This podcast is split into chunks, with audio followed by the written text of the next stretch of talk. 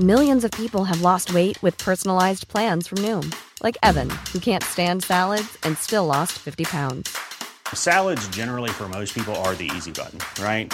For me, that wasn't an option. I never really was a salad guy. That's just not who I am. But Noom worked for me. Get your personalized plan today at Noom.com. Real Noom user compensated to provide their story. In four weeks, the typical Noom user can expect to lose one to two pounds per week. Individual results may vary. Hiring for your small business? If you're not looking for professionals on LinkedIn, you're looking in the wrong place. That's like looking for your car keys in a fish tank. LinkedIn helps you hire professionals you can't find anywhere else, even those who aren't actively searching for a new job but might be open to the perfect role. In a given month, over 70% of LinkedIn users don't even visit other leading job sites. So start looking in the right place. With LinkedIn, you can hire professionals like a professional. Post your free job on linkedin.com slash people today. Cool fact a crocodile can't stick out its tongue. Also, you can get health insurance for a month or just under a year in some states. United Healthcare short term insurance plans, underwritten by Golden Rule Insurance Company, offer flexible, budget friendly coverage for you. Learn more at uh1.com. Veckans sponsor är Telia. Hos Telia samlar man mobil, bredband, IT-support, mobilväxel, allt som gör företagande enkelt. Och det är just det här att samla allt på ett ställe, att ha någon att vända sig till när det inte fungerar, det är Telia. Ett exempel på vad som inte är Telia, det är ju som när jag lyckas boka förmötet för en poddinspelning med Finansinspektionen till efter själva inspelningstillfället. Eller när jag här, här året var liksom, fick för mig att jag skulle börja springa, så jag är liksom ute och springer taggad, träffar en kompis som säger så här, du Jan, på måndag ska jag springa ett lopp. Och jag känner så här, ja men det låter inspirerande, så jag käkar pasta, jag byter om, tar mig ner till Malmö stadion för att göra en efteranmälan, står där i kön och sen så när jag liksom anmäler mig så tittar de på mig och säger så här, du Jan, vårhuset är bara till för kvinnor. Och eh, det var, det var typisk en situation som inte är Telia. Oavsett, ett stort tack till Telia som sponsrar, gör Rika Tillsammans möjligt, men framför allt tack till dig som lyssnar, följer och eh, hänger med oss varje vecka. Inflation är ju på sätt och vis att värdet på pengar minskar. Att om du ger ett barn 100 kronor i doppresent så kommer det på 18-årsdagen fortfarande stå 100 kronor på kontot, men värdet kommer bara vara 80 kronor, det vill säga att du kan handla mycket, mycket mindre för det än vad du kunde när barnet eh, föddes. Och detta är ju med mening. Du lyssnar på Rika Tillsammans-podden som handlar om allt som är roligt med privatekonomi. I den här podden får du varje vecka ta del av konkreta tips, råd, verktyg och inspiration för att ta ditt sparande och din privatekonomi till nästa nivå på ett enkelt sätt. Vi som gör den här podden heter Jan och Caroline Bolmesson. Idag är det dags för avsnitt 246 eh, och det är ett avsnitt tillsammans med David Westin eh, som till vardags jobbar på Riksbanken, eh, där vi ska prata lite om inflation och vi ska prata lite om räntor och lite, lite sådant. Mm. Du, du bara sitter här och skrattar. jo, men jag, jag, jag gillar avsnittet och... Eh, vi har så spelat in detta, så introt in. spelar vi in i efterhand. Ja, det gör vi. Och um, och samtidigt får man väl säga att det är ett eh, komplext avsnitt. Ja, det är lite tankespjärn. Ja, det är det och eh, man får liksom ha med sig lite kunskap kanske innan man går in i det tycker jag. Ja, men precis. Nej, men alltså så här, detta är ju liksom, vi hade ett avsnitt tillsammans med David i, i höstas, mm. där vi pratade om lite så här, Riksbankens uppgift, skillnad på finans och penningpolitik. Så att detta är en liten fortsättning, särskilt i tider som nu när, när det är oroligt på börsen. Vi har hela katastrofen i Ukraina där Ryssland har invaderat. Eh, vi har inflation som har gått upp de senaste tolv månaderna. Och eh, då hade vi ju bestämt att vi skulle spela in detta hel, liksom innan hela den här Ukraina Eh, kriget eh, kom igång. Och vi kommer komma med ett avsnitt inom kort, så här, hur kan man tänka när börsen är orolig?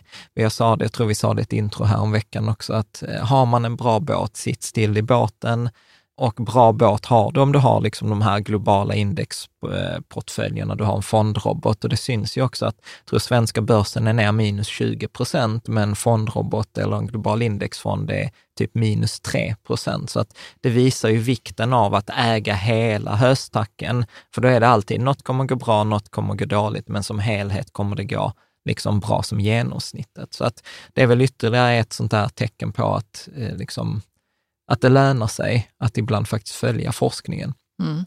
Men när det gäller detta avsnittet specifikt eh, så är det en sak som är bra att ha med sig, för det går vi nog inte in på så mycket, och det är ju skillnad på nominell och real avkastning eller nominell och real ränta.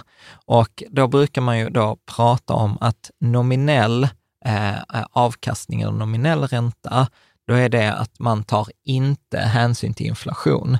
Så till exempel när vi brukar säga att börsen går upp i genomsnitt med 50, eller ungefär 7 procent per år, 7-8 procent per år, då tar vi inte hänsyn till inflationen, utan inflationen, som vi kommer att prata om i dagens avsnitt, målet för Riksbanken är att inflationen ska vara 2 procent.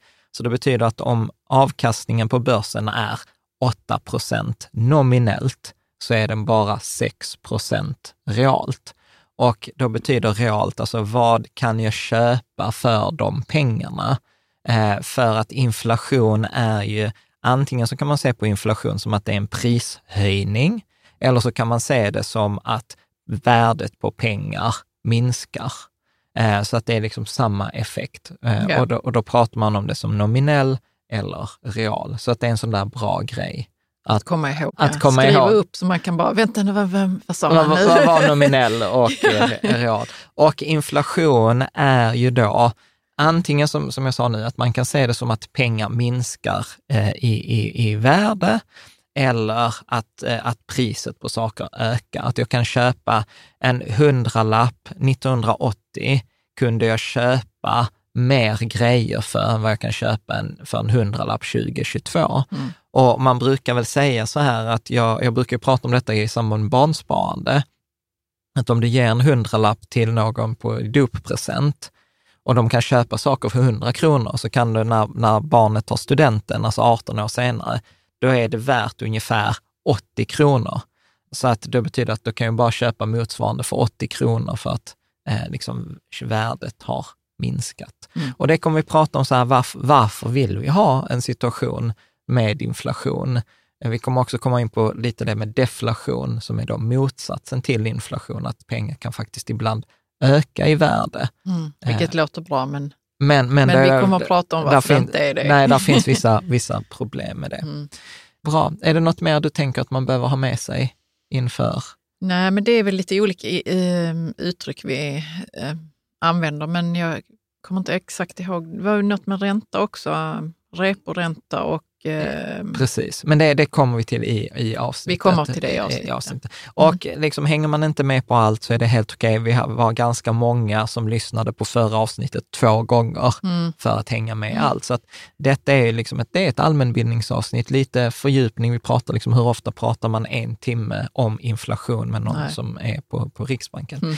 Men även här nu, även om vi säger att David jobbar, för han är ju, han är ju forskare, han har doktorerat jobbar med forskning på Riksbanken, så är det väldigt viktigt både för honom och för oss att säga liksom att detta är inte något så här att oh, Ri- Riksbankens officiella ställning är detta, utan detta är ju liksom ett samtal mellan oss och David. Det är personliga åsikter både från oss och från eh, honom. Mm. Så att det ska inte ses i någon eh, så här, Riksbanken har sagt. Nej, detta är en liksom, forskarkollega eller någon som också tycker det är väldigt roligt med ekonomi. Och, eh, så. så att du kommer, ledsen, du kommer inte få någon hint om hur kommer Riksbanken reagera eller agera i nästa liksom, riksbanksdirektion. Det är inte på den nivån, utan här pratar vi liksom allmänt om, Mm. om inflation och sånt. Vi hoppas att du kommer gilla detta avsnittet. Eh, Jag tänker att vi släpper på David Mm. och sen så ses vi nästa vecka, precis som vanligt. Så Varmt välkommen tillbaka David Westin. Du är ju senior rådgivare på Riksbankens avdelning för penningpolitik. Du har arbetat på Europeiska centralbanken, eh, du har doktorerat i ekonomi, citerats över 2000 gånger på Google Scholar de senaste 20 åren och du var med i ett väldigt, väldigt uppskattat avsnitt för eh, ja, avsnitt 221. Så varmt välkommen tillbaka. Tack så mycket, jättekul att vara med igen. Ja, eh, jag tänker så här, är det något du vill lägga till i presentationen? Eller? Nej, nej. Vi, men du, då tänker jag så här, förra gången eh, så pratade vi ju mycket om liksom Riksbanken och Riksbankens uppgift eh, och så här, och då, då började vi också, då sa du så här, ja men ett av de bästa sätten att föreställa sig en riksbanks uppgift är att föreställa sig att den inte finns. Och jag tänkte, alltså det är en så bra fråga, så jag tänkte faktiskt om vi skulle kunna applicera den på inflation. Alltså så här, eh, om vi skulle föreställa oss att inflation inte fungerar, eh, liksom, kan man resonera på det sättet för att få en ökad förståelse för vad inflation är? Ja, vi kan testa. Eh, ja. Så jag, jag, jag, skulle börja så här då och säga, börja med att ta bort pengar. Mm. Eh, och, och, utgå från den här, som vi resonerade lite kring förra gången, utgå från den här ekonomin som inte har något betalningsmedel. Vad, vad händer i den? Jo, där får vi en ekonomi där det bara finns relativpriser. Det, det är byteshandel. Liksom. Man går till marknaden med sina olika varor. Det finns ingen etablerad betalningsmedel utan man får helt enkelt byta grejer med varandra. Och vad som skulle hända i en sån teoretisk värld då, det är ju att det blir en massa relativpriser. En ost är värd fem liter mjölk eller ja, sådär. Eh, och det blir krångligt och eländigt naturligtvis i en modern ekonomi som vår när vi har så många varor. Då. Mm. Eh, och då tänker vi lite grann samma då. Ja, men nu har vi infört ett betalningsmedel eh, och då gäller det att värdet på det här betalningsmedlet bevaras. Det sköter ju sig självt i en real ekonomi om man tänker. Liksom. Eller om man börjar, man skulle kunna börja med guldstandarden också lite grann mm. och säga så här, ja, men ett alternativ är att säga, men låt, låt en av varorna i ekonomin bli den här värdebevararen, liksom, enheten som vi använder för att betala. Låt oss säga att det är, är guld. Eh, och då börjar vi plötsligt betala varor med guld och, och citera alla priser i termer av hur mycket guld olika varor kostar och så där. Och då sköter sig det här värdebevarandet lite grann av sig självt. För att då är det liksom en real vara som vi använder för att betala i de här varorna i ekonomin och så där. Eh, så där är liksom någon sorts real utgångspunkt. Liksom. Och så nu tar vi steget in i den moderna ekonomin där man har släppt den här kopplingen till guldstandarden och allt det där. Då säger vi istället, nu har vi någonting vi kallar för pengar. Och vi vet att vi kan köpa varor för pengar. Men någonting måste garantera värdet på de här pengarna så att det inte liksom bara driver iväg. Eh, och, och det är då liksom den moderna centralbankens roll typiskt sett, att man har ett mål för att pengars värde inte ska okontrollerat eh, fara iväg. Och det är vad vi kallar liksom ett, ett inflationsmål. Då. Vi ser till att priserna i ekonomin inte ökar för snabbt. Det vill säga värdet på pengar bevaras. Men, liksom den, ja, men, men varför, händer, varför händer det liksom så här, om jag vore fem år gammal? Eh, så här, varför, varför skulle, liksom, skulle det inte bara funka att bara ha den här, för det är många som säger så här, om vi bara gick tillbaka till guldstandarden, då hade allt varit bra i ekonomin. För att det inte finns någon inflation då, utan ja, det är ja, bara samma ja, värde på, på pengarna Ja, precis. Man kan inte trycka mer pengar. Mm. Hur, hur, liksom, hur tänker alltså man du? Kan, man kan ju börja med, det funkade ju periodvis naturligtvis. Det finns perioder i historien när, när det där funkade någorlunda väl och så.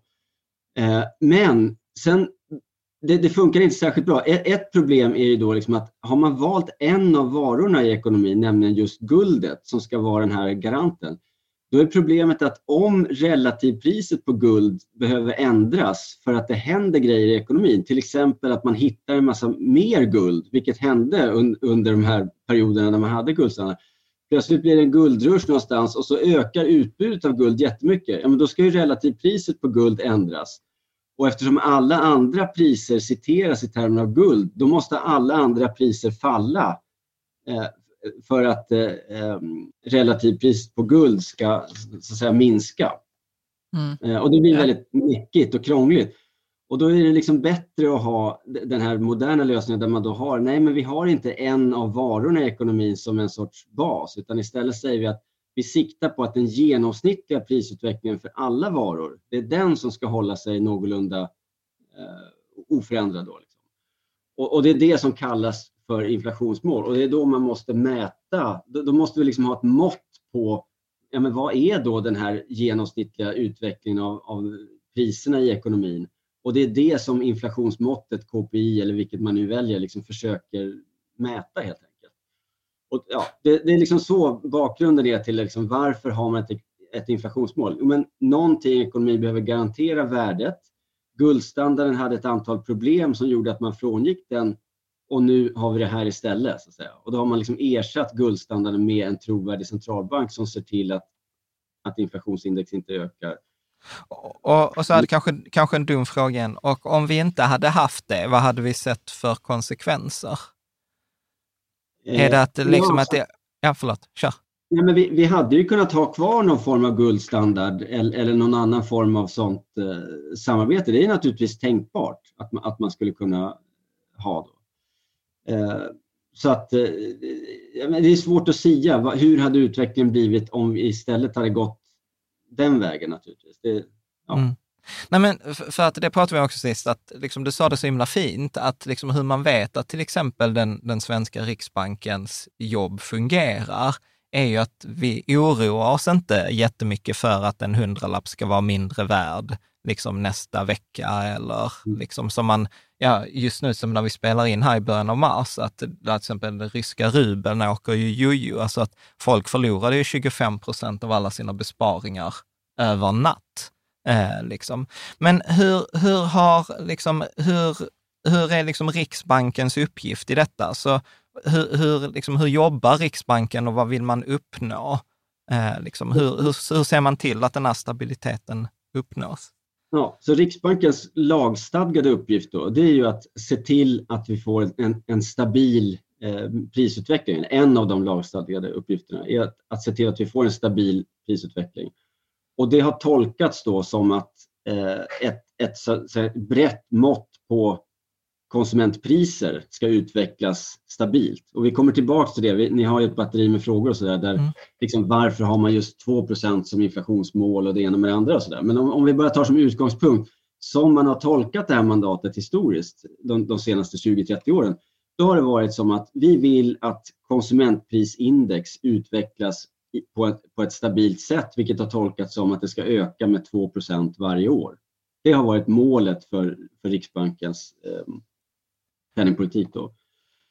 Och det, ja, fortsätt. Och, och, och, och sen har man då, liksom i, i praktiken så, så, tolkar man det som eh, eh, att det är lite flexibelt så att man har eh, Eh, man ska inte bara stirra sig blind på hur inflationen rör sig kortsiktigt utan man ska naturligtvis även ta hänsyn till realekonomin och sådär. Eh, och, det har man liksom tolkat lite löst i form av ett resursutnyttjande som man kan tänka på som arbetsmarknad, eh, arbetslöshet, liksom realekonomi, BNP-tillväxt i förhållande till, till någon sorts normalnivå och sådär. Mm.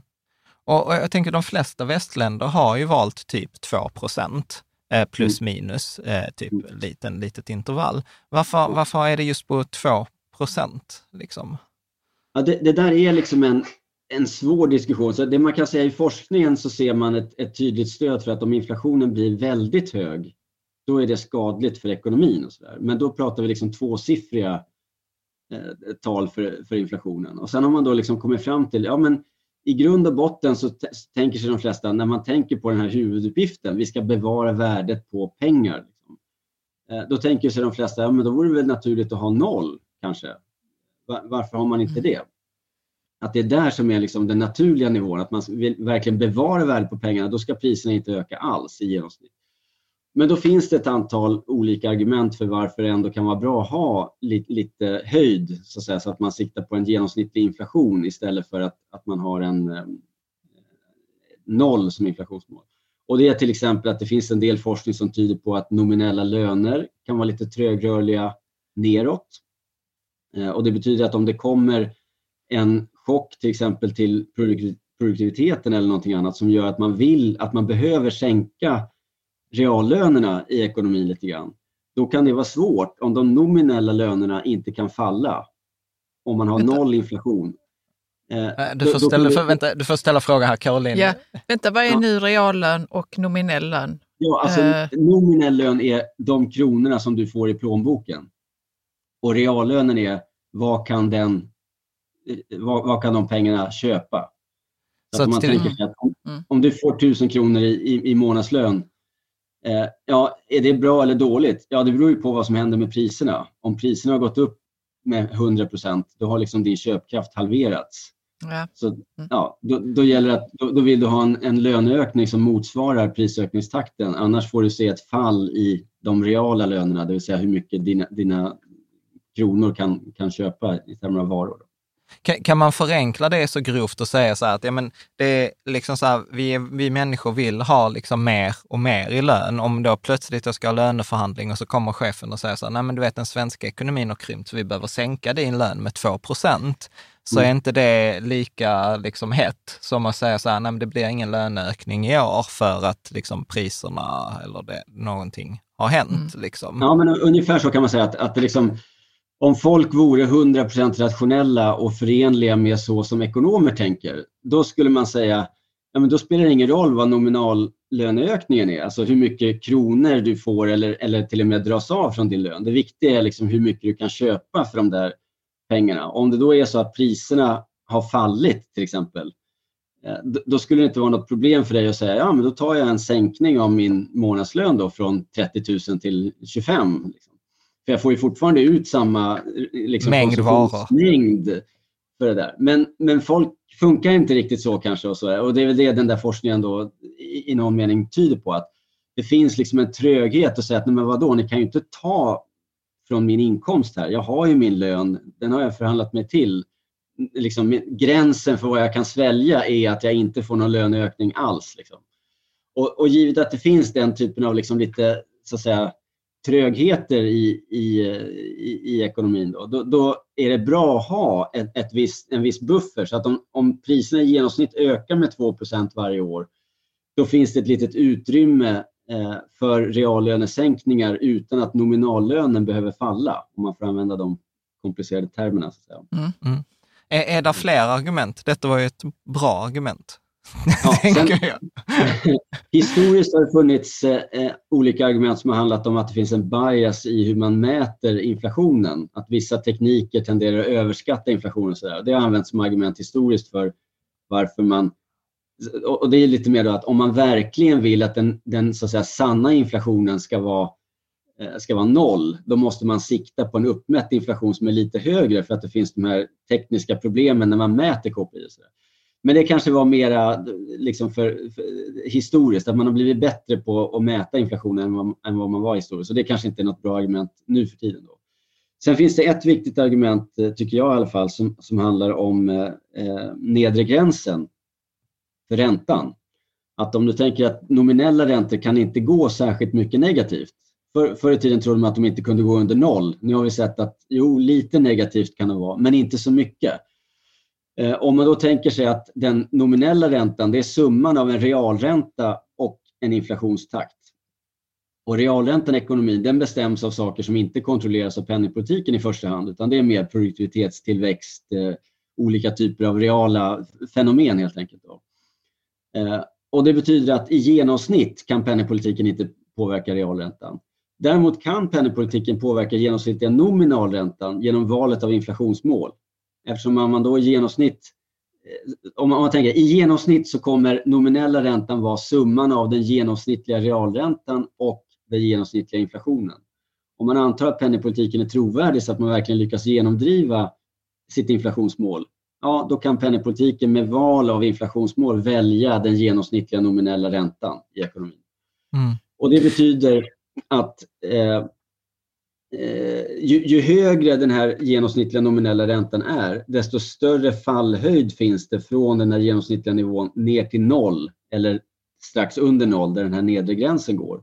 Och Det betyder att ett högre inflationsmål ger större handlingsutrymme för penningpolitiken. Man kan sänka reporäntan mer om det kommer en kraftig negativ störning till ekonomin.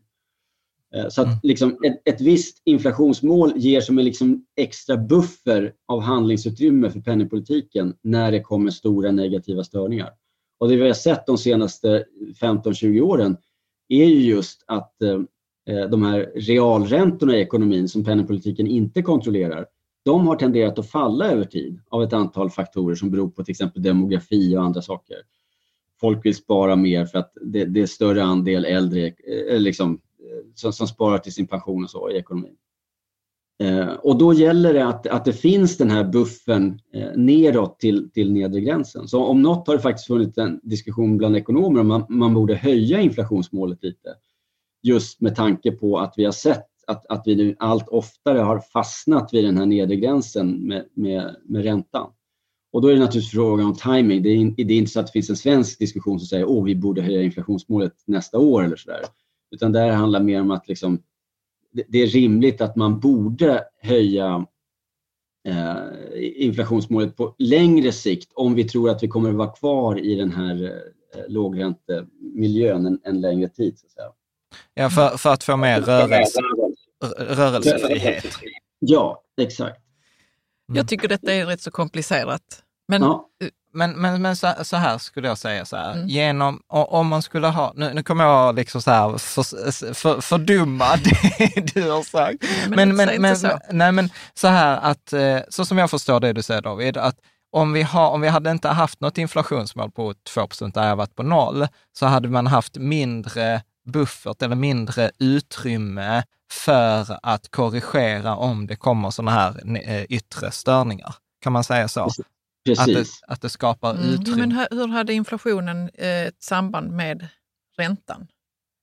Ja. Där tappar du bort mig lite. Ja, så ja. Hur, det är en bra fråga. Hur hänger inflation och ränta samman? Precis, så att den nominella räntan är summan av den här reala räntan och inflationen. Så att om vi tar ett enkelt exempel. Om vi antar att realräntan i ekonomin är noll, vilket den faktiskt har varit nu under en ganska lång tid, eller till och med negativ, men vi antar att den är noll. Så att om, om man liksom bygger en maskin eller någonting så förväntar man sig att få noll realavkastning eh, på den. Ja, det är kanske ett onödigt exempel, men vi, vi, om vi bara antar att den här realräntan som, som inte bestäms av penningpolitiken är faktiskt noll.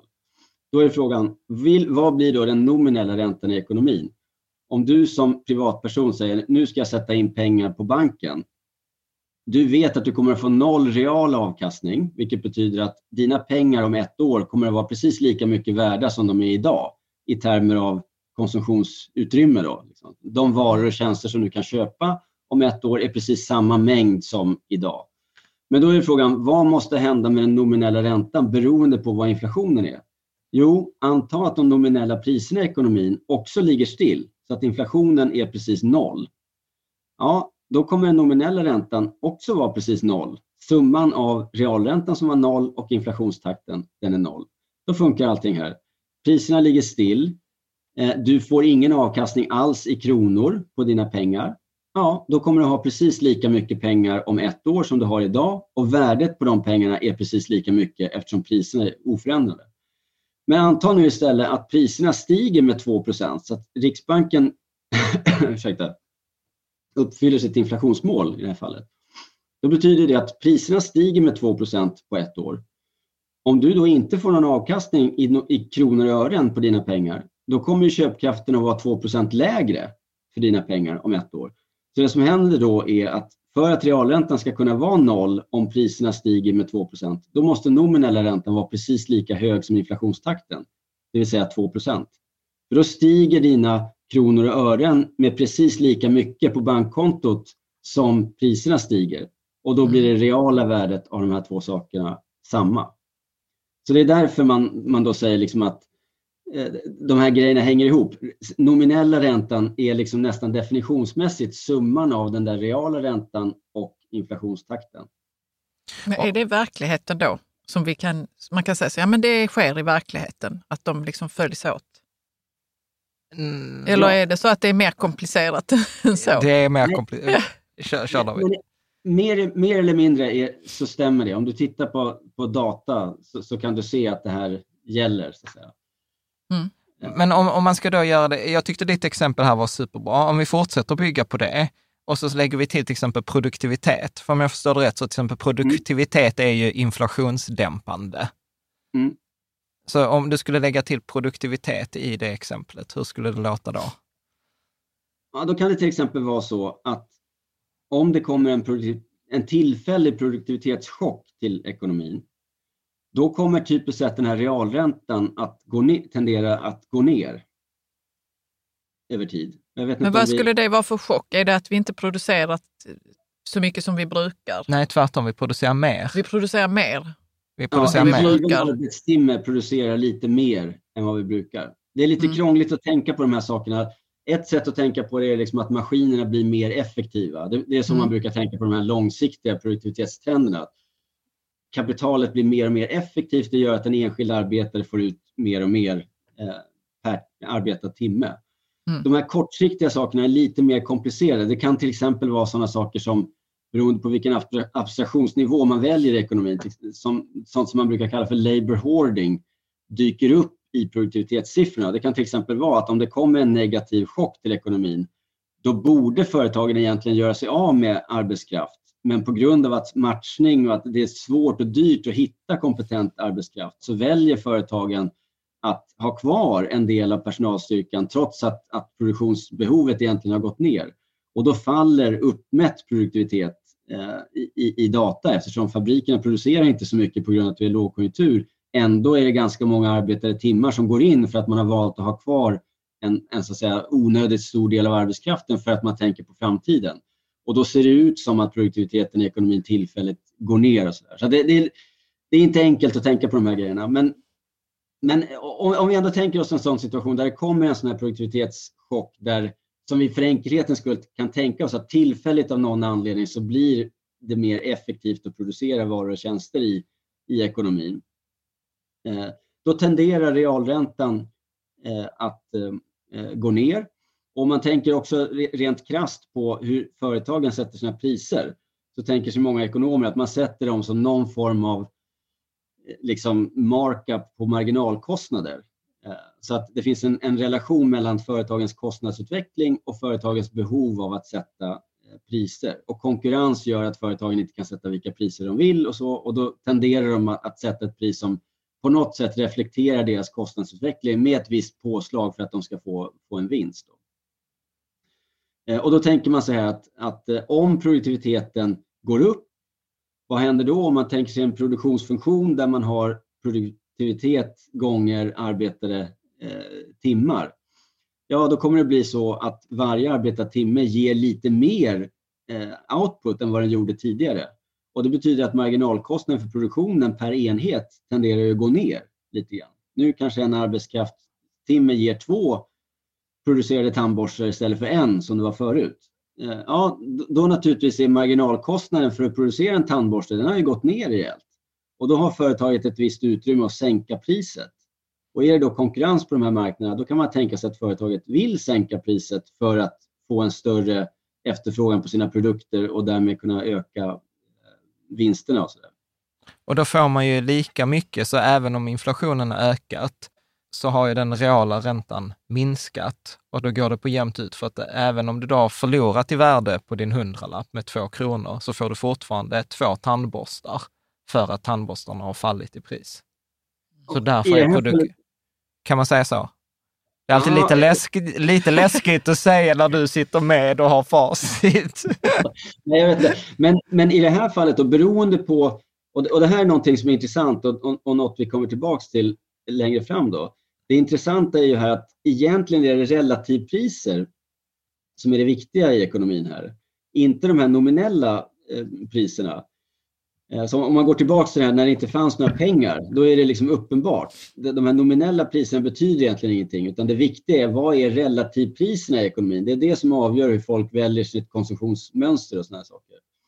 Och då är det det att om, det, om vi tänker oss att den, här, att den här teknologichocken var sektorspecifik, så att det var bara liksom en viss del av ekonomin som, som fick eh, den här bättre teknologin eh, tillhanda.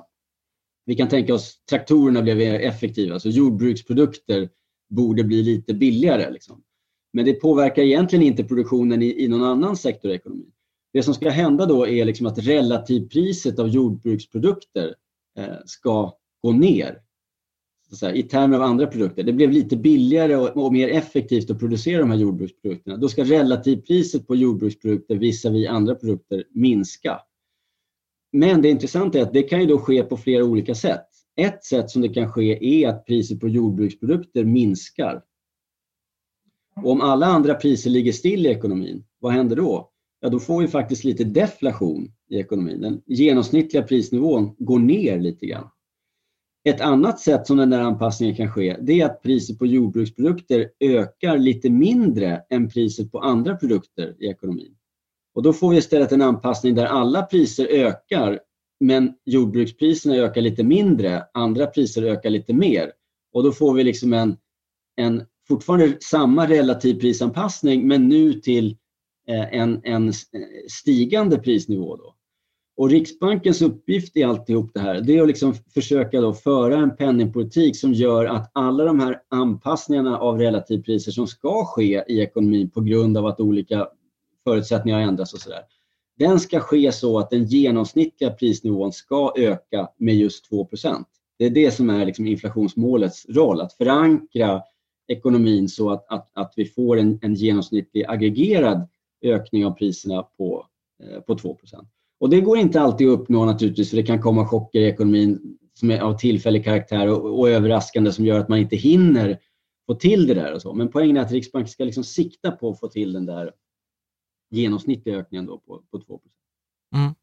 jag, jag, tänker, eh, hänger du med Karo? Hyfsat. Eh, ja. Hyfsat. Hyfsat, ja men bra. Men då tar jag, vi, ska, vi, ska, vi har ju massor av läsarfrågor yeah. som vi ska komma in på. Men, men jag är också bara så här, en grej till som du bara nämnde där. Du nämnde bara förbigående deflation. Och, och så som jag förstår det så är ju deflation är då motsatsen till inflation. Att istället för att pengarnas värde urholkas så är det att pengarnas värde ökar.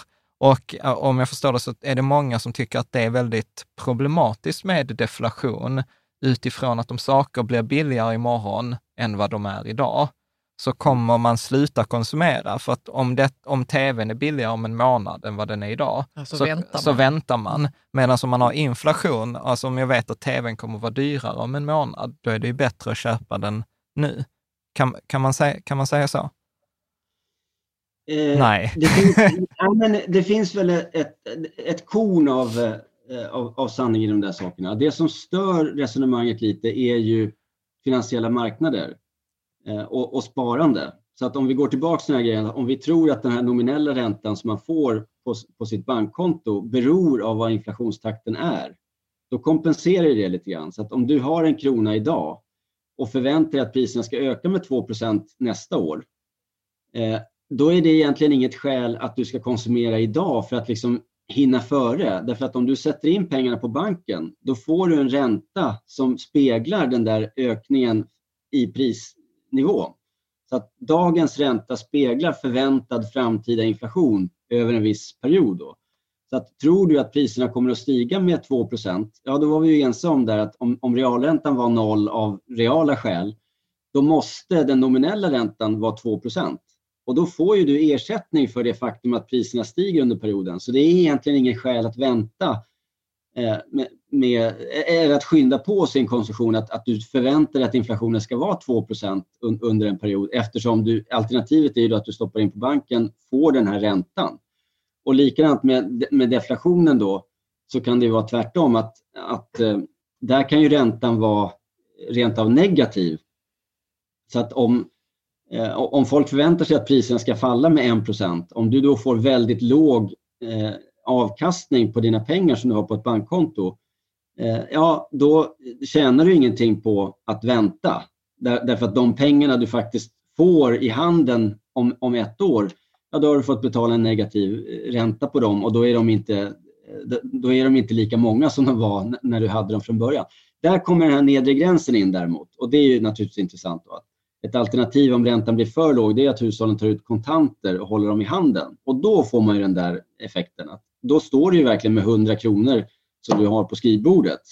Den kommer att vara 100 kronor om ett år. Om priserna då har fallit, ja då är köpkraften större för den där 100-lappen som du har i handen och då har man den där effekten som ni, som ni pratar om. Mm. Sen den andra eh, saken som folk är oroliga för det är eh, det faktum att många kontrakt är skrivna i nominella termer. Så att till exempel om du har lånat 3 miljoner för att köpa en, en eh, etta i, på Söder eller så. Eh, då är problemet att om prisnivån går ner, då ökar ju det reala värdet av din skuld. För mm. nu kan man plötsligt få mer varor för de där tre miljonerna som du betalade för lägenheten och lånade.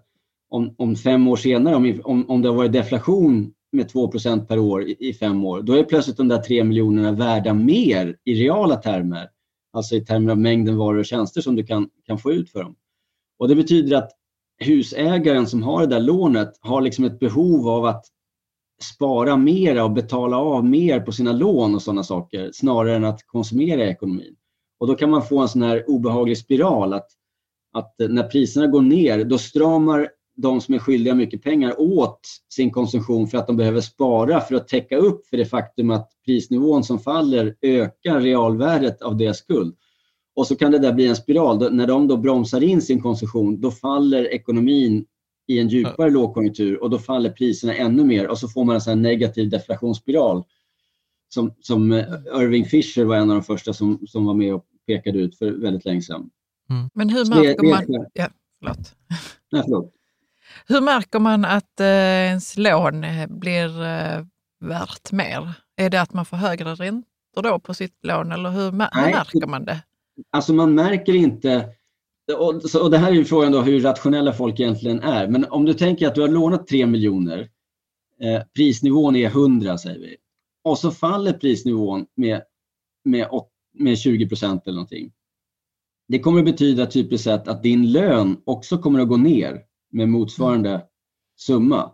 Så att mängden kronor och ören som du tjänar blir liksom mindre över tid. Eh, men ditt lån är oförändrat. Millions of people have lost weight with personalized plans from Noom. Like Evan, who can't stand salads and still lost 50 pounds. Salads generally for most people are the easy button, right? For me, that wasn't an option. I never really was a salad guy. That's just not who I am. But Noom worked for me. Get your personalized plan today at Noom.com. Real Noom user compensated to provide their story. In four weeks, the typical Noom user can expect to lose one to two pounds per week. Individual results may vary. One size fits all seems like a good idea for clothes until you try them on. Same goes for healthcare. That's why United Healthcare offers flexible, budget friendly coverage for medical, vision, dental, and more. Learn more at uh1.com. Wow! Nice! Yeah! What you're hearing are the sounds of people everywhere putting on Bombas socks, underwear, and t shirts made from absurdly soft materials that feel like plush clouds. Yeah, that plush. And the best part, for every item you purchase, Bombas donates another to someone facing homelessness. Bombas, big comfort for everyone. Go to bombas.com slash ACAST and use code ACAST for 20% off your first purchase. That's bombas.com slash ACAST, code ACAST. Eh, och, och det betyder liksom en arbetstid av din tid är nu inte längre värd 100 kronor som det var förut eller 1000 kronor som det var förut. Utan nu är det plötsligt bara 800 kronor eller någonting. Så värdet av ditt arbete i nominella termer minskar. Och Det betyder att om man säger hur många arbetstimmar måste du jobba för att kunna betala av ditt lån? Jo, det är plötsligt fler timmar här nu. Mm. Och då, liksom, I den mån konsumenterna märker, oj, nu är liksom det här, den, den verkliga skuldbördan av mitt lån, den har blivit högre nu för att priserna har fallit då måste jag återställa det genom att spara lite extra för att liksom betala av lite på den här skulden så att den kommer ner till en nivå som jag tycker är acceptabel igen. Och, och då, då slut, får... precis, och då slutar jag köpa tvn och slutar jag köpa tvn mm. så kommer tv-tillverkarna inte kunna tillverka och behöva säga upp. Och då kommer de som har blivit uppsagda kommer inte heller köpa mer.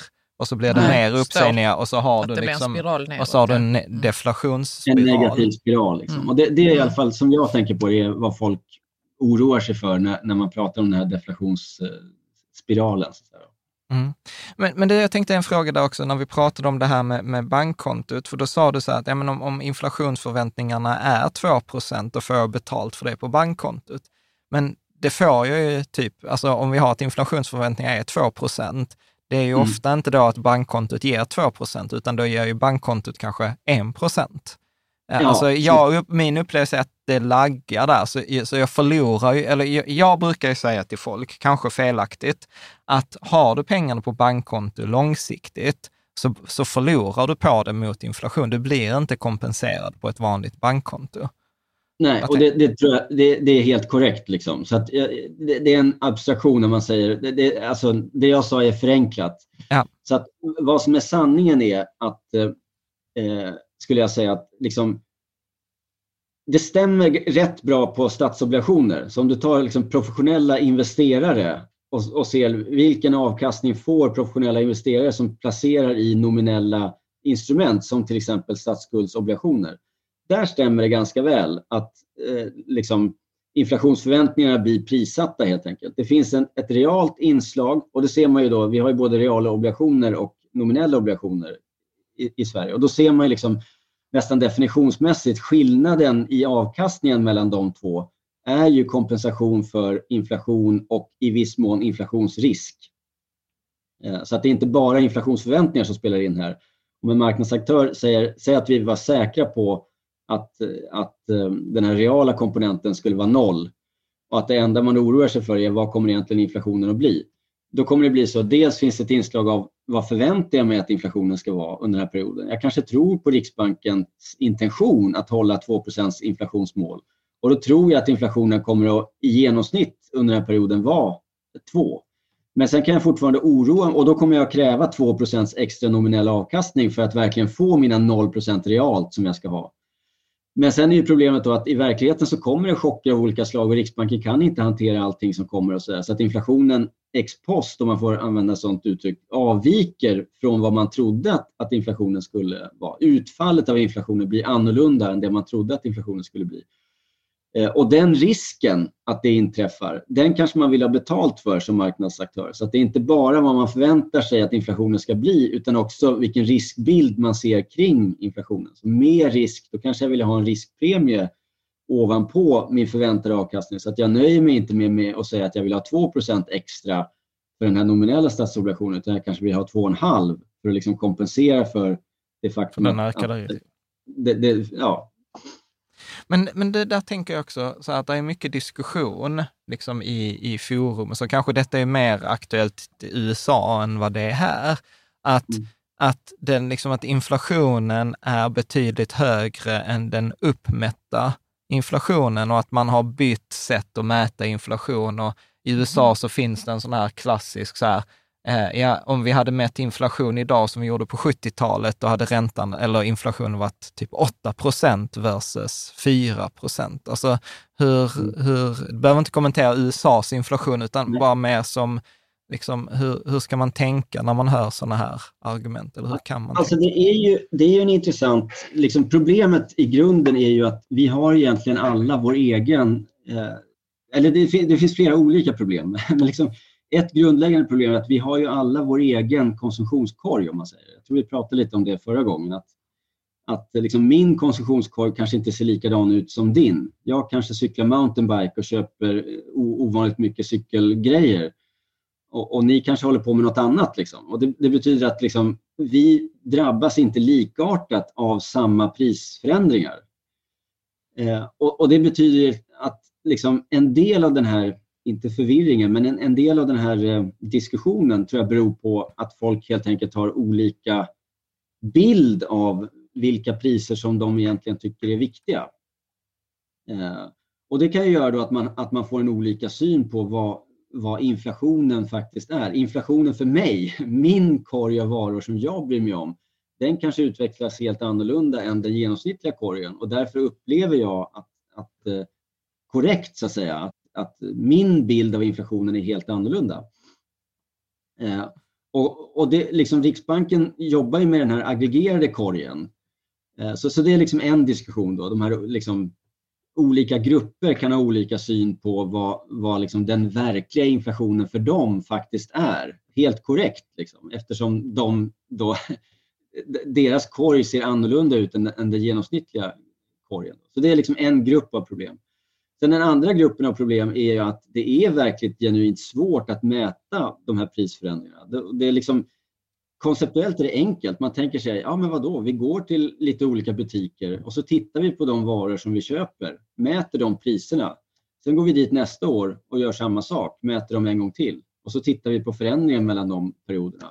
Och så säger vi, ja men det måste ju vara ett mått på inflationen. Men då upptäcker man att många av de här varorna som vi köper idag, de finns inte ens om ett år. Eh, och, och folks konsumtionsmönster ändras över tid beroende på hur mycket olika priser rör sig och det ena med det tredje. Så att i praktiken är det liksom en, en ganska grötig eh, business helt enkelt att, att eh, mäta hur, hur den där inflationen verkligen, verkligen då rör sig. Och vi har ju ett antal experter i, i olika länder då naturligtvis som, som gör sitt bästa för att, att få ett så bra mått eh, som möjligt. Men i alla fall i min värld då, så är det lite grann som med korv. Att det, det, är gott att äta men man vill inte nödvändigtvis veta för mycket om hur den är gjord. Och, och likadant är det med KPI. När man går in och tittar på exakt hur mäter man de här grejerna? Hur gör man kvalitetsjusteringar? Hur kommer bilar in? Hur kommer, hur kommer egna hem och hus in och sådär? Alla detaljer i de här grejerna kan man naturligtvis kritisera och vrida eh, och, och vända på. Eh, och det finns många spännande diskussioner om, om vad, vad, man kanske borde göra som man inte har gjort och så vidare. Så att liksom, eh, jag, jag skulle säga så här, jag, jag, tror att de som jobbar med det här, de gör så gott det går. Men det finns ett antal problem som man inte ska negligera, om, om man säger så. så att, eh, och, och, och i, Sverige, i Sverige, det är väl också om jag har förstått det rätt, det är inte ni som gör den korgen, utan det är SCB? E är inte det ja, det är SCB e som Eh, som, och det är inte på Riksbankens uppdrag eller någonting sånt där, utan det är på statens uppdrag eh, som, som beräknar de här eh, indexserierna.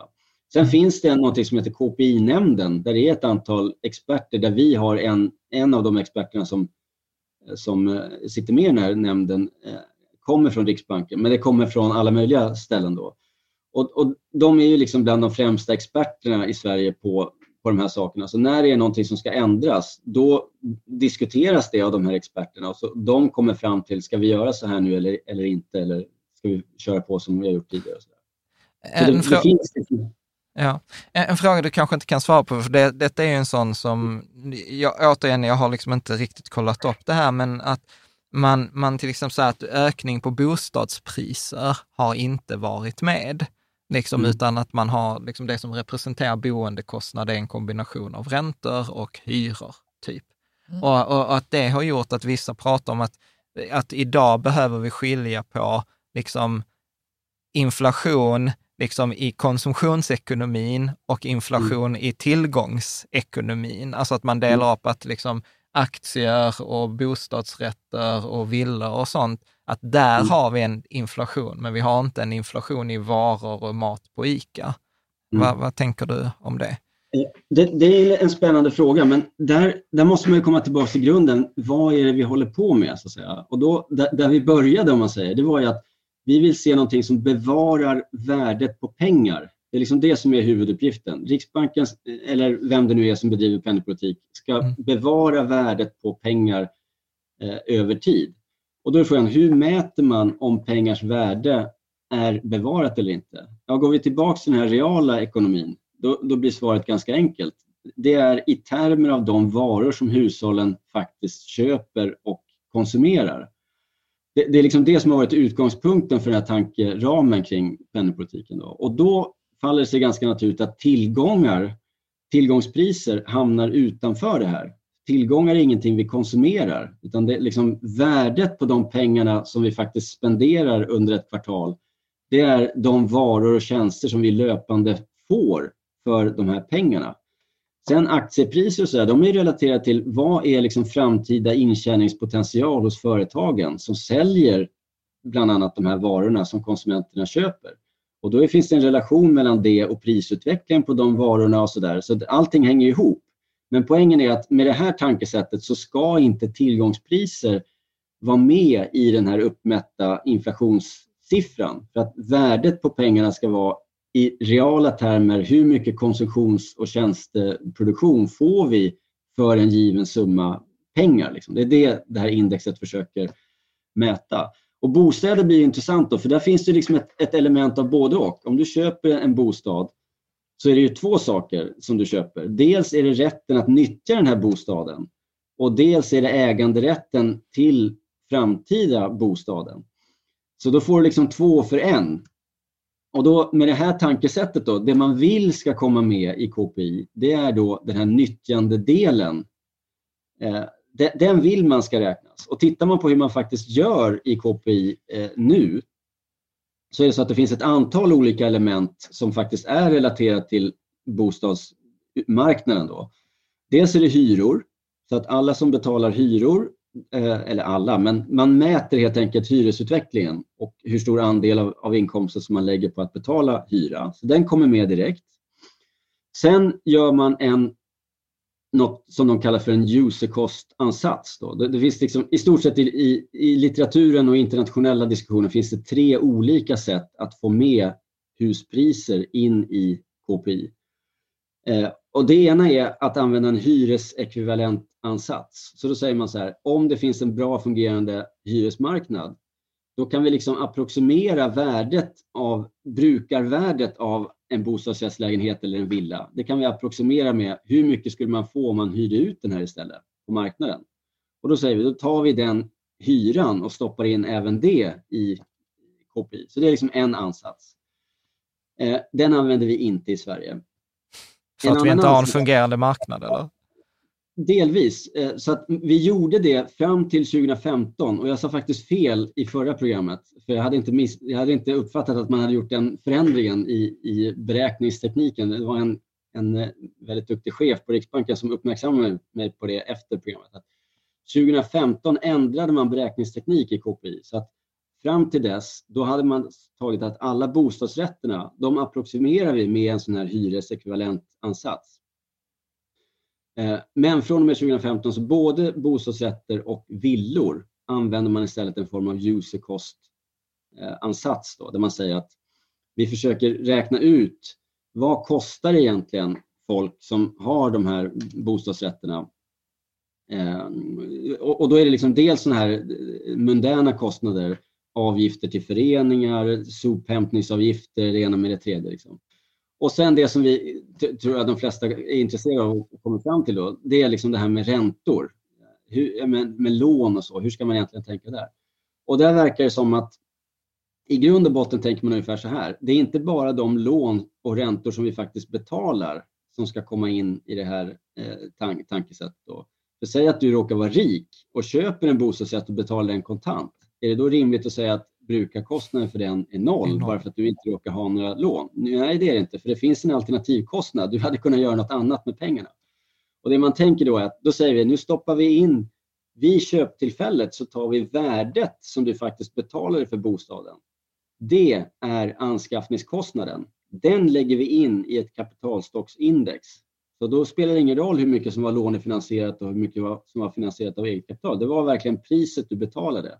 Det säger vi, alternativkostnaden är räntan gånger det beloppet. Så att säga. Eh, och det dyker upp i KPI. Eh, men då är det så att då har man valt att ha en väldigt lång eftersläpning så att på grund av att hus och lägenheter omsätts relativt långsamt så blir det här så kallade kapitalstocksindex som då mäter vad har varit det totala anskaffningsvärdet av husstocken det blir liksom en ganska trögrörlig process som bara uppdateras med de lägenheter och hus som faktiskt säljs varje period. Så att man kan tänka på det där kapitalstocksindex som är ganska långt glidande medelvärde av vad alla har betalat de senaste 10, 15, 20 åren för sina lägenheter. Och där tycker jag i alla fall att det är intressant att, att man skulle kunna fundera på hur skulle det se ut om man istället hade en om, om intellektuella idén med det här är att det ska fånga alternativkostnaden. Då skulle man ju kunna argumentera, ja men min alternativkostnad nu har ju ingenting att göra med vad jag råkade betala för lägenheten för 15 år sedan. Utan min alternativkostnad nu är ju att jag skulle kunna sälja lägenheten imorgon och sätta in pengarna på banken. Eh, så, så då skulle man ju kunna argumentera att man skulle vilja marknadsvärdera hela stocken så att säga, av, av hus snarare än att ha den här glidande anskaffningsvärdesansatsen. Mm. Så kan man säga... Ja, förlåt. Kör, fortsätt. nej, men jag, jag tänker bara, skulle man göra det, då tänker jag i alla fall att man skulle ha fått se då att, att eh, liksom priserna skulle komma in mer markant eh, i, i den här KPI-utvecklingen. Nu sker det liksom väldigt trögrörligt under en lång tid istället. Och så. Mm. Men det är bara ren spekulation, så jag, jag har inte gjort mm. en sån övning. Mm. Men, man kan, men, men så här, om, jag ska, om jag ska sammanfatta, så kan man ändå säga så att nej, men vi tar hänsyn till boendekostnader i det där KPI-indexet.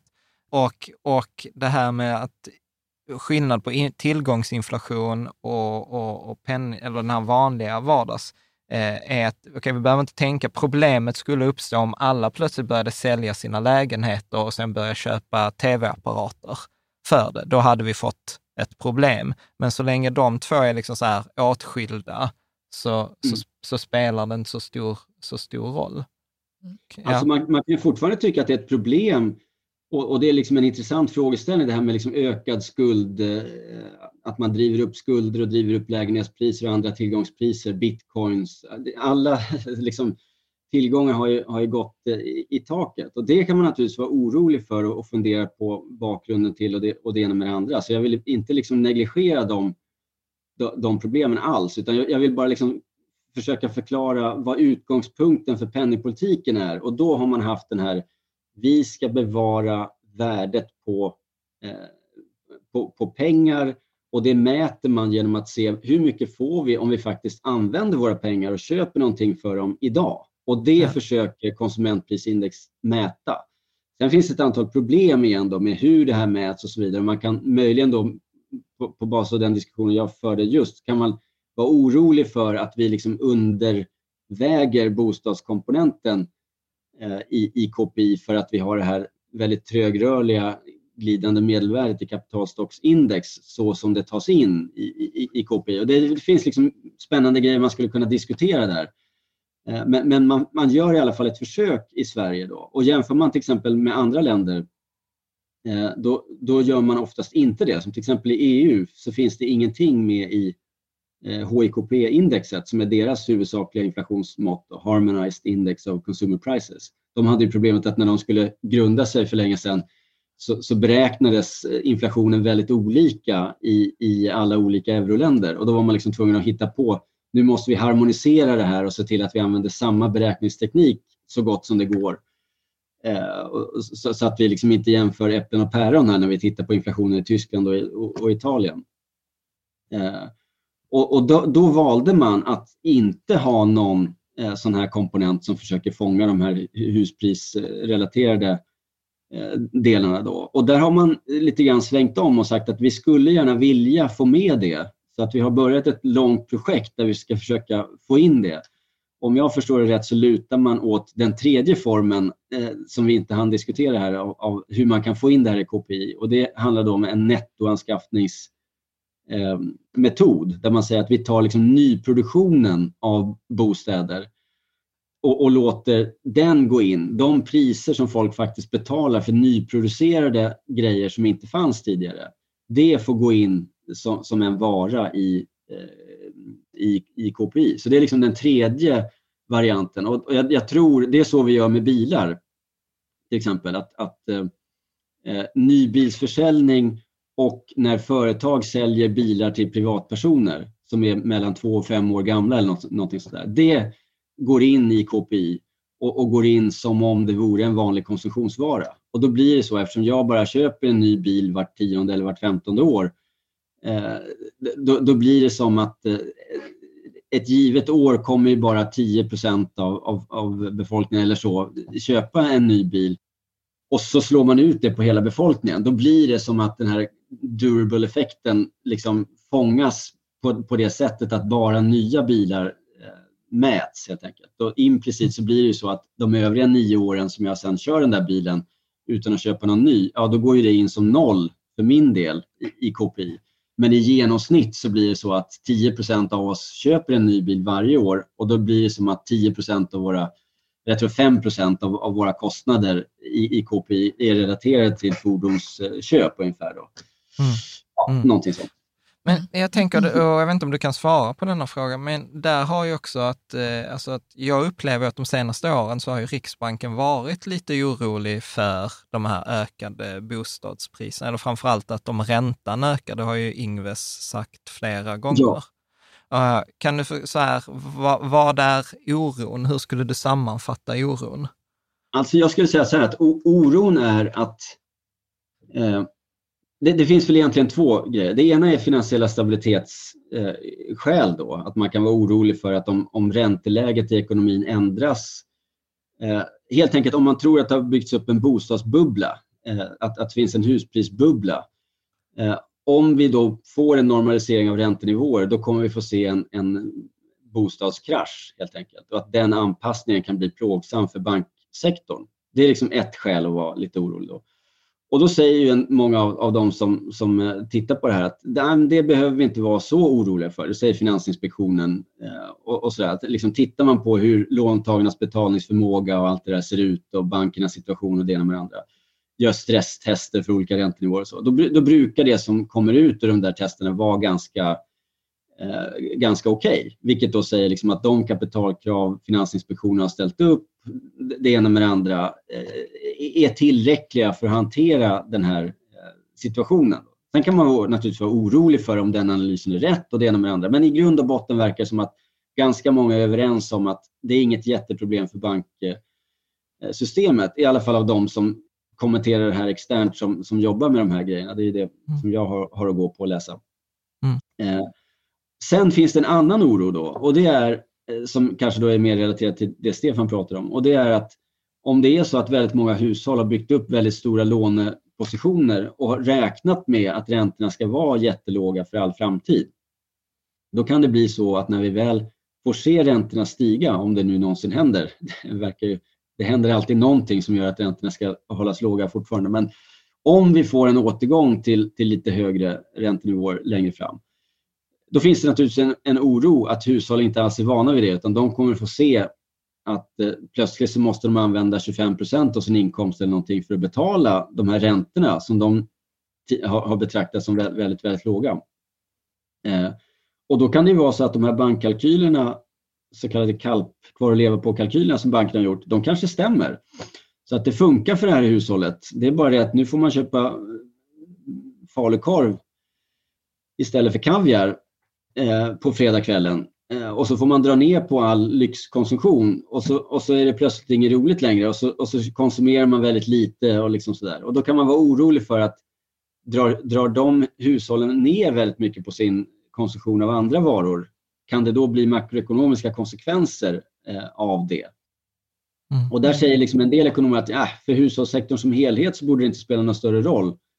För att den, den enes bröd, så att säga, Eh, då, liksom stiger räntorna då kommer det vara de hushållen som faktiskt är nettosparare. De kommer få se en ökning i sina inkomster och så blir det bara en omfördelning mellan hushåll som har mycket lån och hushåll som har mycket tillgångar. Eh, men då finns det andra ekonomer då som oroar sig för att, att de här grupperna har olika marginell konsumtionsbenägenhet. Så att de, de grupperna som är välbeställda och har mycket tillgångar tenderar att ha en lägre marginell konsumtionsbenägenhet av, sina, av sin förmögenhet så att får man en omfördelning av tillgångar från så mindre bemedlade hushåll till, till mer, eh, då kan faktiskt den totala konsumtionen ändå gå ner. Det blir, man, köper inte två, man köper inte två kaviarburkar på fredag kväll bara för att man kan. liksom. Exakt. Eh, Stefan Persson är inte så räntekänslig i, i sin privatkonsumtion. Nej, men exakt. Men, men, Mm. Mm. Men där är ju en sån här alltså, klassisk fråga och, och återigen, jag vet inte att du spekulerar så här, oh, vad ska Riksbanken göra? Men många, liksom, i, många frågar ju mig så här, ska, man, ska man binda bolåneräntan? Nu kommer ränta, alla säger att räntan ska gå upp och jag brukar säga så här, det är omöjligt att veta om räntan ska upp eller ner. Alltså så här, jag som liksom följt marknaden i alla fall aktivt sedan 2008, redan 2008 sa man ju att räntan måste gå upp. Eh, och jag upplever att det, är liksom väldigt svårt att förutsäga liksom räntans eh, liksom bana. Och tittar jag på era prognoser historiskt så upplever jag att ni tycker nog också att det är ganska svårt att förutsäga räntans... Men är det inte också människans psykologi att vi tänker att nej, men, nu har den varit låg så länge. Så nu borde, så den, nu gå borde den gå upp. upp men som en sol, ner som nej, en pannkaka. Är, vi har, tänker fel. Ja, vad, vad, vad tänker du? Som du förstår kan jag inte kommentera vad jag tror om framtida ränteutvecklingen. Men däremot kan man ju säga liksom att eh, alltså i någon mening, om det ska löna sig att binda räntan, eh, är, det så här, om, om, man tror att man ska kunna slå, det, det är det, så här, sättet att resonera bör ju vara hur, tro, hur ser min ekonomi ut? Hur stora buffertar har jag? Är jag beredd att ta på mig risken att den korta räntan tenderar, eh, liksom går upp lite grann? Eller har jag inte råd med det? För typiskt sett kommer det vara så att marknaden är bättre än privatpersoner på att förutse vad räntan kommer att bli. Och bankerna kommer att lägga en ränta som är konsistent med vad marknaden tror plus ett påslag för risken att det blir annorlunda. Eh, och då är, då är liksom frågan, vill du ta den försäkringen eh, att låsa in räntan för att vara säker på att dina räntekostnader inte blir alltför höga? Det är det som är frågan egentligen. Inte hmm, är det läge att binda räntan just nu för att jag kan lura marknaden? Jag gör en bättre ränteprognos än Handelsbanken. Det är klart att man kan göra det och man kan ha tur eh, och så, men, men det är svårt. Mm. Så att liksom, som jag tänker i alla fall, är liksom den rimliga utgångspunkten är eh, men resonera utifrån ekonomiska förutsättningar och vilja att, att ta risk. I genomsnitt tenderar det att vara bättre att ha rörlig ränta därför att man får betala ett, ett litet pris på att låsa in den där räntan just för att banken naturligtvis inte vill vara på den förlorande sidan och, och, och få eh, liksom en, en, kund som betalar för lite jämfört med finansieringen. Men, Eh, så, så, det är väl liksom det, det, enkla och tråkiga svaret är att, att liksom, för, försök inte slå marknaden i första hand utan tänk utifrån försäkringsargumenten. Och ut, utifrån det, jag tycker egentligen att det saknas en produkt på, på svenska räntemarknaden och det är Alltså det finns ju räntecaps på marknaden för professionella investerare. Att man kan köpa en försäkring som säger att räntorna kommer inte att gå över den här nivån. Så att jag har rörlig ränta upp till dess att det slår i ett tak. Och det tycker jag vore en intressant wow. produkt att, att, att, överföra på privatmarknaden. Som man skulle ha. Och det, och det vore lätt för, för, för institutionella placerare som har tillgång till de här marknaderna skulle naturligtvis kunna använda de här produkterna som redan finns och tillåta privatpersoner att säga jag har rörlig boränta men om räntan går över 4% då betalar jag bara 4 och sen kommer då prissättningen på de här finansiella instrumenten att avgöra hur mycket måste jag betala för det i förväg som extra försäkringspremie ovanpå mm. den här liksom, rörliga räntan. För det, jag tror att det är det många vill ha. Man vill försäkra sig om att räntekostnaden inte blir för hög. Men man vill inte nödvändigtvis binda in sig i att ha en fast ränta i, i tio år. Liksom. Det, det där tror jag kommer vara så här, jag kommer ringa ett par samtal efter detta avsnitt, prata med folk. Eh, på, men nej, för det är precis så, precis så är det. För att jag tänkte på det nu med elpriserna. Och för det var ju också så himla roligt hur irrationella vi människor är. För att vi har ju haft rörligt elpris sen vi flyttade till hus för fem år sedan och detta har vi ju naturligtvis tjänat pengar på jämfört om vi hade bundit våra elpriser. Men när elpriset sen nu gick upp väldigt mycket i december, då kände man ju sig som världens förlorare. Trots, och det var inte som att jag tänkte så här, nej, nej, men de senaste 59 månaderna har jag gått med vinst, utan det enda jag fokuserade på var hur dålig jag var den 60 månaden. Och jag tror att det är en överhängande risk med det där också om vi skulle se en räntehöjning på, på banklånen, att man kommer nog ha svårt att tänka sig att jag har tjänat på detta i tio år, utan mm. man kommer bara ångra sig att jag inte band.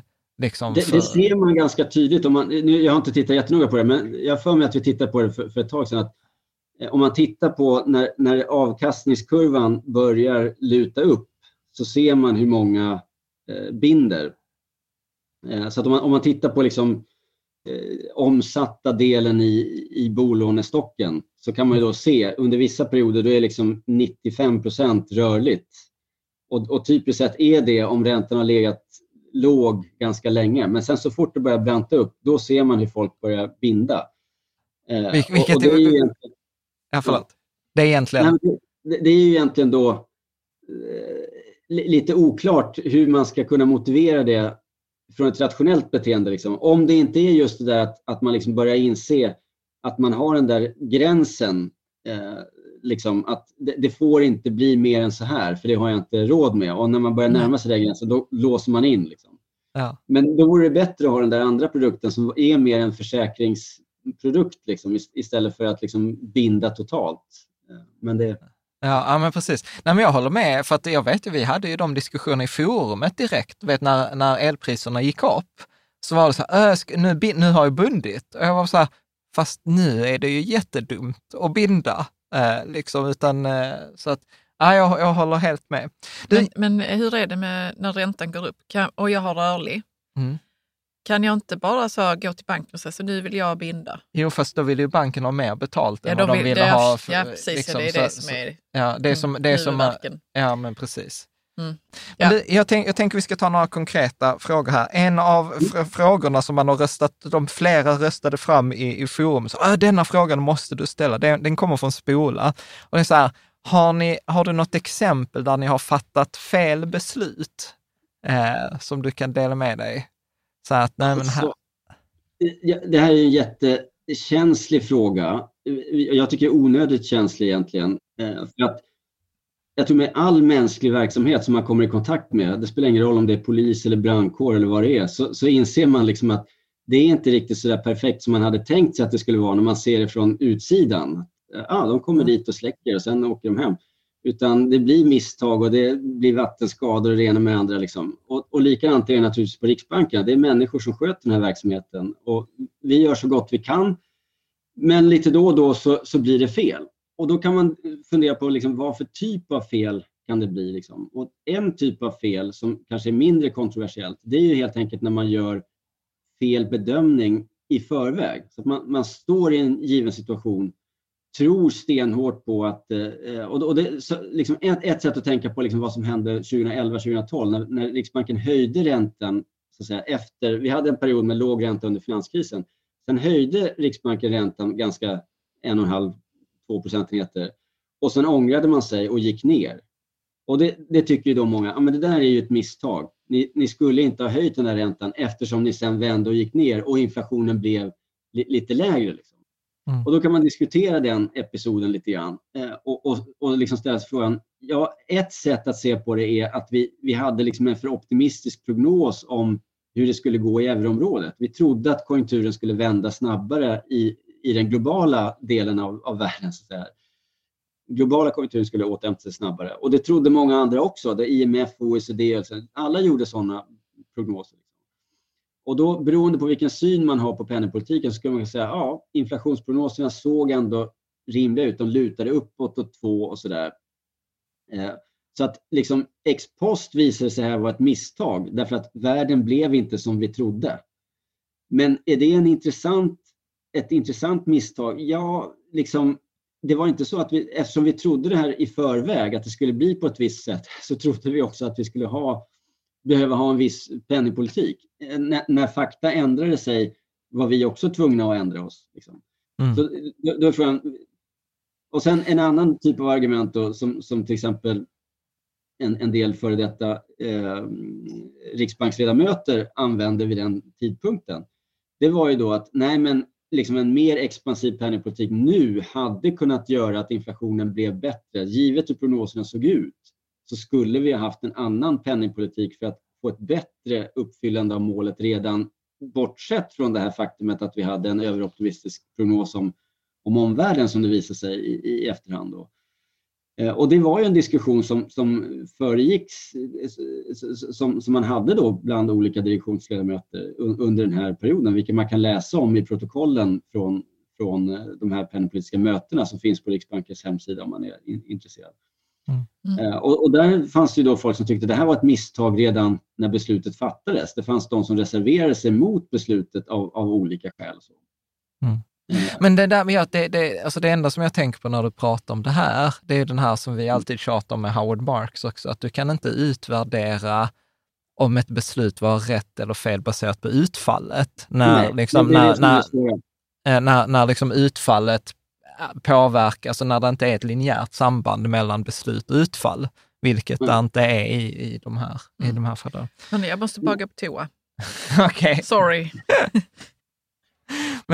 Är, det okej, okay? vi, vi fortsätter lite kaos, får ja, du bara smyg, smyga in. Men då tar vi en läsarfråga eh, till där.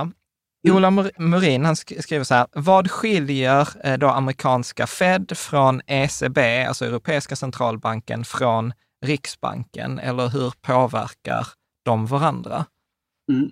Och då skulle jag säga att, att eh, generellt så är ju centralbankerna förvånansvärt lika. Alltså när vi har möten med våra kollegor från olika länder, vilket vi har ganska ofta i olika forum och konferenser och sådär, då, då slås man av hur pass likartat de flesta centralbanker ändå tänker på penningpolitiken, åtminstone i västvärlden. Sen i utvecklingsländer och så kan det se lite, annorlunda ut för man har helt andra förutsättningar och så. Men i, i västvärlden där man har ungefär samma typ av statistikproduktion och, och, och samma typ av liksom finansiella system och sådär då tänker de flesta centralbanker ganska likartat på saker och ting i grund och botten. Så att man säger vi har någon typ av prisstabilitetsnivå.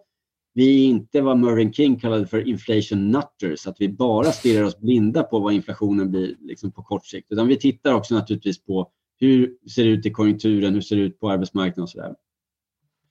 Eh, och sen använder vi ungefär samma verktyg för att implementera penningpolitiken. De flesta har en, en styrränta som man ändå får, fortfarande får säga är någon sorts huvudsakligt önskat verktyg.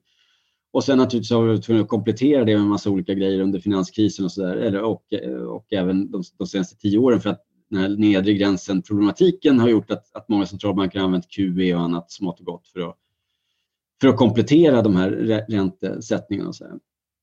Sen finns det vissa skillnader. Eh, och det mest uppenbart är ju organisatoriskt att ECB till exempel består ju av, jag vet inte hur många länder nu för tiden som är med i euroområdet. Så de har ju liksom en helt annan typ av utmaning när det gäller hur fattar man beslut i en organisation där det finns 20-25 eh, olika beslutsfattare på, på, olika sätt. Och liksom, men det är mer rent praktiska eh, problem. Sådär. Eh, Eh, sen skiljer det sig lite grann hur man mäter inflation till exempel, som vi var inne på tidigare, så använder ECB det här harmoniserade konsumentprisindex som sin målvariabel istället för mer konsumentprisindex som vi gör i Sverige. Eh, mm. USA tittar, de pratar väldigt mycket bara om inflation och sen får man känsla av när man läser deras dokument att de koncentrerar sig på eh, headline inflation, vilket i stort sett är då en sorts KPI, konsumentprisindexmått, men där man rensar bort eh, livsmedel och energipriser. Och motivet till det är att de är väldigt volatila så att man vill liksom inte titta för mycket på någonting som bara hoppar runt månad till månad utan man fokuserar på den här mer trögrörliga delen av, av inflationsutvecklingen. och Mm. Eh, sen har Fed formellt ett dual mandate där de, där de verkligen är instruerade att titta både på inflation och på real ekonomin. Och egentligen är det ett triple mandate för de ska också hålla långa obligationsräntor låga. Men det är mer en restprodukt av eh, krigspolitik i, i olika årtionden. När, när, när, USA gått i krig så har centralbankens uppgift varit att se till att, att garantera billig finansiering för staten och, och trycka ner långa obligationsräntor. Mm. Så det tar man inte så allvarligt på nu i fredstid. Mm. Eh, jag vet inte om man kan säga något, något mer. Eh, storleken är uppenbarligen väldigt varierande. Sverige är en, en lilleplutt i sammanhanget eh, om man tittar på liksom hur många människor som använder dollar och euro och, och därmed hur stora balansräkningar för bankerna blir och sådär. Mm. Men, men jag skulle säga i grund och botten är det förvånansvärt likartat. Och en viktig poäng är naturligtvis att Sverige är en liten öppen ekonomi så vi påverkas oerhört mycket av vad de här stora centralbankerna gör. Och tittar man på internationella, eller tittar man på, på korrelationen mellan svenska längre räntor till exempel och utländska räntor så är de oerhört, eh, eh, följer varandra oerhört eh, väl. Eh, så Och det, det beror delvis på att konjunkturerna är ganska synkroniserade i världen men, men också framförallt på att penningpolitiken är väldigt, väldigt, väldigt eh, likartad för. Förr brukade man väl säga, så att vi ska börja runda av här alldeles strax, eh, att om, om USA nyser så får Sverige en förkylning. Eh, mm. skulle, du, skulle du hålla med om det, att det, det, är svårt det är svårt för Riksbanken att liksom så agera så här, nej men vi vill fatta ett beslut som andra kanske inte hade fattat um, för att vi påverkas så mycket av i vår ekonomi. Kan man, absolut, kan man tänka? Det absolut, ja, det är absolut så. Och det brukar vara så att USA, det är där konjunkturen tenderar att vända först, så att säga. Sen kommer euroområdet lite senare och Sverige. Eh, och, eh, så att liksom, vi, vi har ett utrymme att föra en självständig penningpolitik eftersom vi har en rörlig växelkurs. Förr i tiden hade vi ju inte det. Då hade vi inget utrymme alls att föra en egen penningpolitik. När, när, när kronan var knuten till olika former av valutasamarbete, då var ju det det som dikterade hur penningpolitiken skulle bli. Men nu har vi en rörlig växelkurs och det ger ett visst utrymme att föra en självständig penningpolitik. Men tittar man de facto på hur räntan ser ut i förhållande till amerikanska och, och, och, eller, och ECB framför allt, så ser man ju liksom att liksom, mängden av tillfällen när vi faktiskt för en väldigt annorlunda penningpolitik är, är ska vi säga, begränsade. Ja. Eh, och, eh, så att väldigt ofta gör vi helt enkelt som alla andra gör, mer eller mindre. Kanske med en viss tidsfördröjning beroende på hur konjunkturen ser ut. Och så. Och det beror, ja. ja, förlåt, och det beror på? Nej, visst, och jag tänkte som, som sista fråga också så här, så var det från Semino här undrade att liksom, hur, om, kan du ge en kort introduktion, liksom så här, hur funkar liksom det här? Hur påverkar växelkursen? Alltså att ibland så brukar vi prata om att svenska kronan är svag och ibland så pratar vi om att den är stark.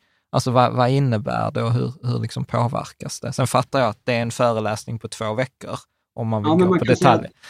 Kort, man kan säga kort att eftersom vi pratar om inflation, att det är det som är huvudtemat här. Så om man pratar om hur växelkursen påverkar inflationen, då är det dels finns det ett antal eh, antingen direktimporterade eller väldigt nästan direktimporterade varor som finns i konsumtionskorgen.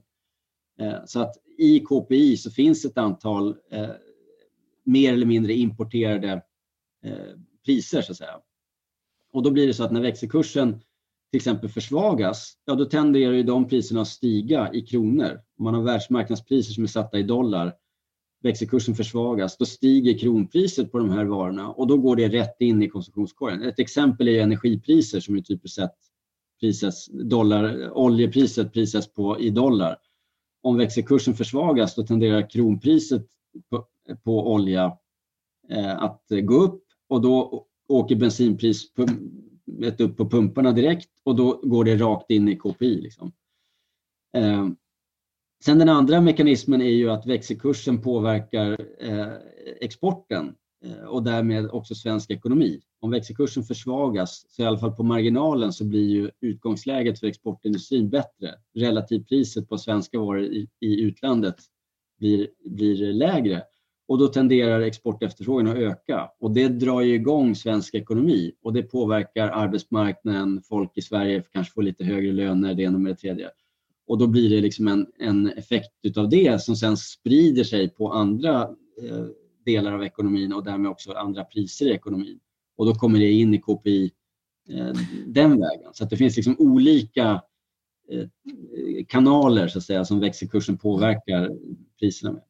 Det, det har jag, den effekten har jag ibland tänkt på, att det där är ju liksom en, alltså om, om vi säger att det negativa med att vara liten, är att vi, vi, vi kan liksom inte föra jätteannorlunda politik mot USA eller ECB för att vi är så små.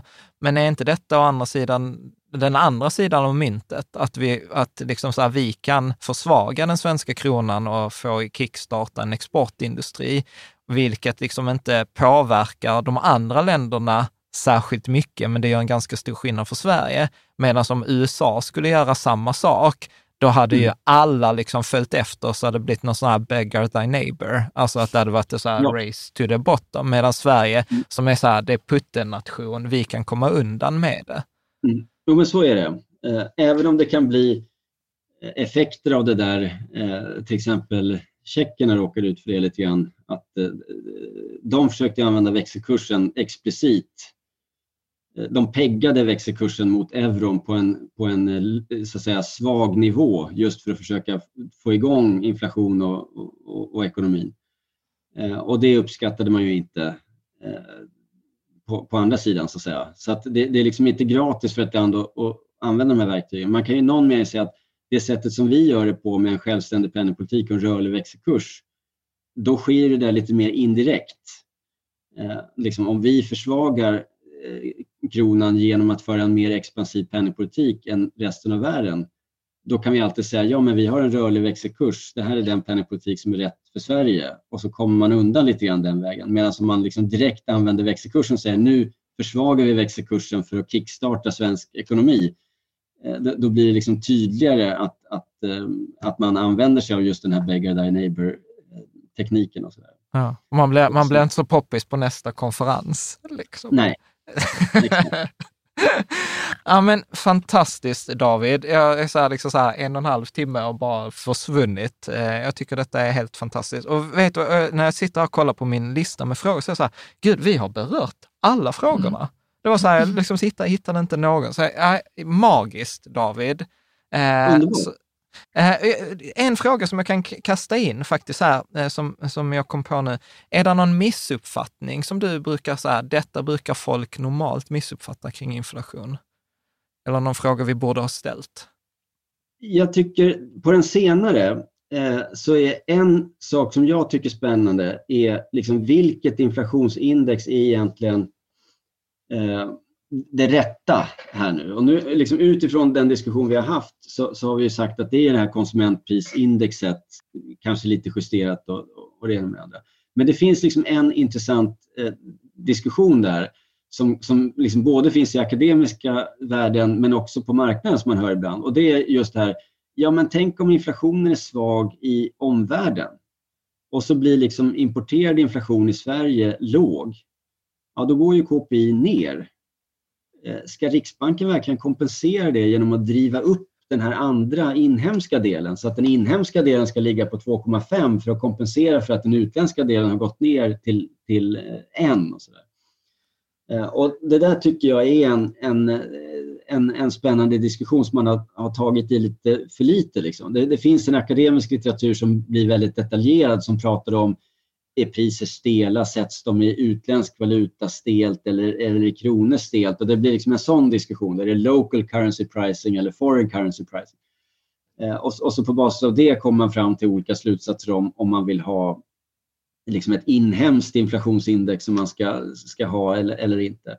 Och på marknaden kanske man är, är mer pragmatisk och just bara konstaterar att ja, men, är det rimligt att, att Riksbanken eh, faktiskt eh, använder det här liksom breda måttet som har ett ganska stort genomslag av de här importerade eh, varorna. Så, så det, det, det, tycker jag, bara för att lämna en liten öppen fråga, eh, att där finns det någonting som man, som man definitivt kan fundera och diskutera i, i alla fall. Då, liksom. Och det finns ett antal olika argument som vi inte hinner gå in på nu. Mm. Nej, jag, jag tycker det är, tack, tack. Eh, men jag tycker det låter fantastiskt. Det, alltså det som jag ändå har behållningen efter, eh, efter de här två samtalen, så är det så här alltid, men ju mer man lär sig, desto mer trygg och förståelse får man. För att innan, du vet så här, om man bara hänger på Twitter eller så här, så blir det så himla lätt att man bara, Öh, nej men Riksbanken gör fel eller inflationen är högre. Och sen när du förklarar så här, nej men så här hänger det ihop, så här resonerar man, så känns det så här, Gud, de har koll. De har koll, de har tänkt till och sen, och sen kommer man tillbaka till det där, precis som du säger, eftersom vi inte liksom upplever i vår vardag att det är ett problem, så är det ju liksom, jag brukar ibland tänka på det som, som en IT-support. Man uppskattar aldrig en IT-support när, när saker och ting fungerar. Utan, eh, liksom, så, att, så att jag kan säga att jag pratar för mig och jag tror jag pratar för ganska många lyssnare och läsare, så att vi är tacksamma för det mm. jobbet du och dina kollegor gör på Riksbanken att vi kan ägna våra vardagar åt andra problem än att sitta och liksom oroa oss för inflation. Nej, men på riktigt så ja. är det ju faktiskt så. Ja, så men det är, en, det är en rikedom ändå får man väl säga. I dessa tider känner jag så här, shit, det är mycket som vi behöver vara tacksamma för som funkar bra i detta landet. Ja, och detta är ju en sån sak. Ja. Mm. Så att tack så mycket David och jag tror att eh, vi, vi, ser fram emot och hoppas att vi kan få bjuda tillbaka dig igen. Där det känns som att det är många fler ämnen att diskutera också. Ja, jag tycker det är jättekul att vara med så att jag, jag är gärna med hur ofta ni vill.